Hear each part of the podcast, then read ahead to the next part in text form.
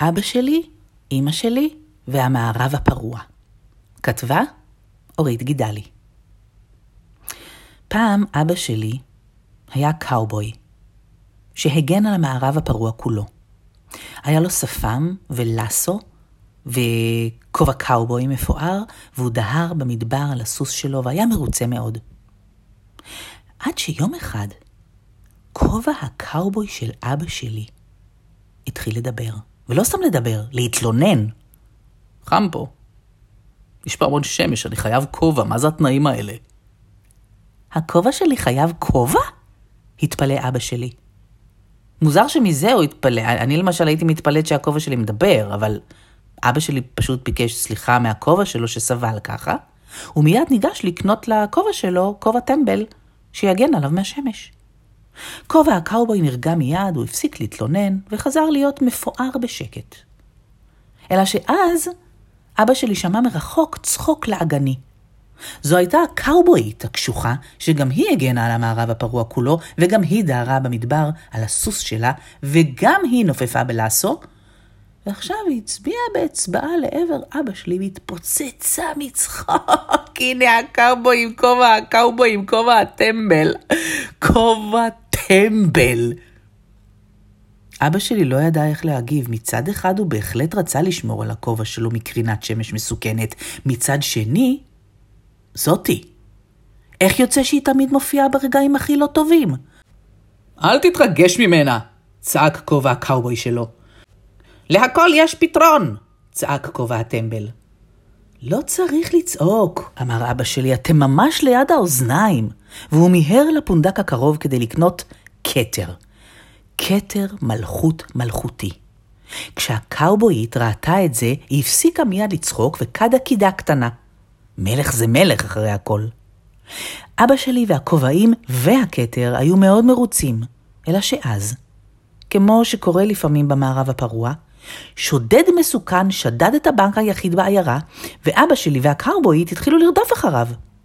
הקאובויית דהרה על הסוס שלה, בשערה מתנופף.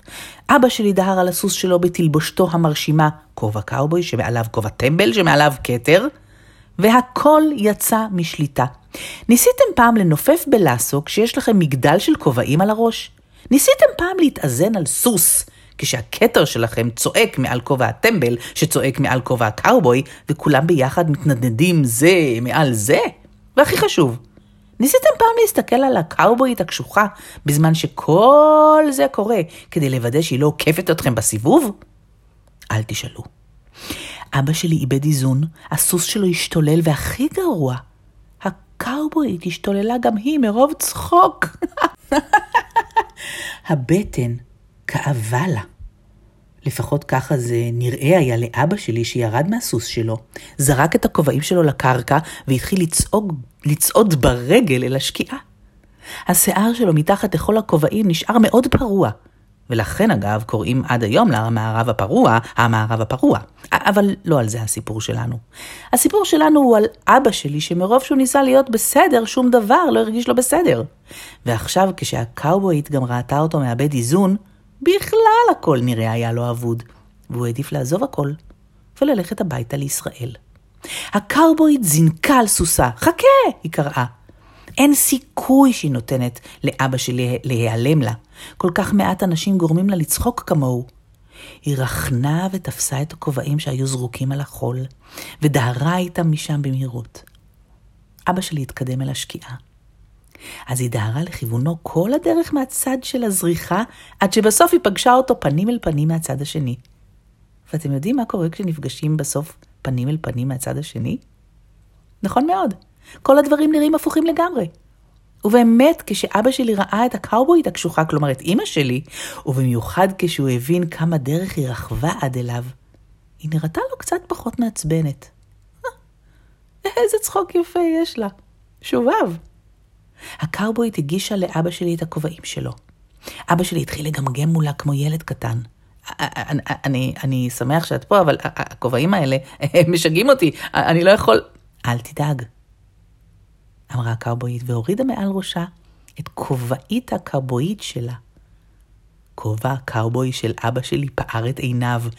הקאובויית קירבה את כובעית הקאובויית שלה עוד. כובע הקאובוי התחיל לגמגם מול הכובעית כמו כובע קטן. אה, אה, אה, את באה לפה הרבה? הוא שאל את הכובעית, שזו שאלה קצת מוזרה לשאול באמצע המדבר השומם. נראה לי שהכובע שלך לא יתלונן הרבה בזמן הקרוב, אמרה הקאובויית. והניחה את הכובע שלה ליד כובע הקאובוי המשקשק בכוכביו מרוב התרגשות. אבא שלי חייך מתחת לשפם השריף. אף אחד במערב הפרוע כולו לא ראה את אבא שלי מחייך קודם, זה בהחלט היה רגע מיוחד. אמא שלי הרימה את שני הכובעים הנותרים. עכשיו אני אחבוש את הכתר, ואתה תחבוש את כובע הטמבל. אחר כך נחליף כובעים, כמו בכל זוג. אנחנו זוג? שאל אבא שלי. כן? אמרה הקאובויית, אין ספק שאתה זה שצריך לחבוש את כובע הטמבל ראשון. וככה הם התחילו לדהור זה לצד זו. אף כובע לא צעק או רב עם כובע אחר, להפך. איכשהו הכל היה קל יותר ומצחיק יותר. מדי פעם הם העבירו כובעים מיד ליד וחבשו אותם לפי התור. הכתר בהק בשמש. כובע הקאובוי זהר בכוכבי המתכת וסנוור את הכובעית. כובע הטמבל התיישב על האוכף כמו דבשת וקרא, תראו, הסוס גמל. אבא שלי דהר בלי ידיים והשוויץ שהוא יכול לדהור גם בלי רגליים, בטח.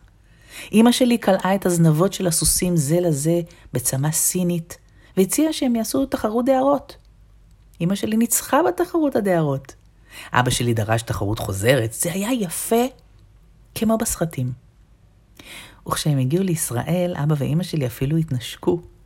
המסך סביבם הפך לעיגול, הכתוביות התחילו לעלות, וזה היה הסוף. הסוף הטוב. כלומר, זו הייתה ההתחלה הנהדרת. ההתחלה. התחלה למשפחה שלי, שבה ממציאים לי סיפורים לפני השינה על אבא שלי ואימא שלי והמערב הפרוע וכובעים ו... אני לא ילדה קטנה, אני, אני יודעת שאין סיכוי שהכל קרה כמו שהם מספרים לי. אבא שלי לא באמת היה קארבוי, וגם רוב הזמן לא טמבל. אמא שלי לא באמת חצתה את כל כדור הארץ על סוס. אבל הקטע עם הכתר? הקטע הזה בטוח נכון.